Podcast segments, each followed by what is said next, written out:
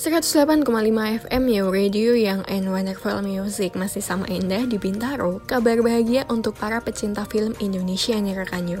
Hal ini karena film Gisenan akan tayang di Netflix pada bulan Februari 2021.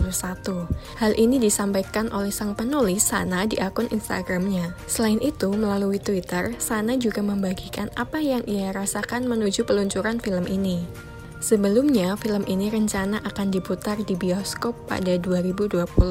Namun karena pandemi serta banyak bioskop yang tutup, akhirnya membuat pemutaran film ini tertunda nih rekan yo. Reporter Yo Radio yang berkesempatan bertemu sana pun menyampaikan harapan dengan rilisnya film ini. Harapannya adalah aku kan nulisnya pakai hati dan film ini juga dibuat pakai hati. Harapannya jadi karena udah dikerjakan dengan sepenuh hati, semoga pesannya bisa nyampe ke kalian yang nonton dan bisa apa? Box office. Amin. Bisa apa ya? Bisa bikin kalian percaya bahwa kadang nggak nggak selalu jarak tuh jadi masalah gitu.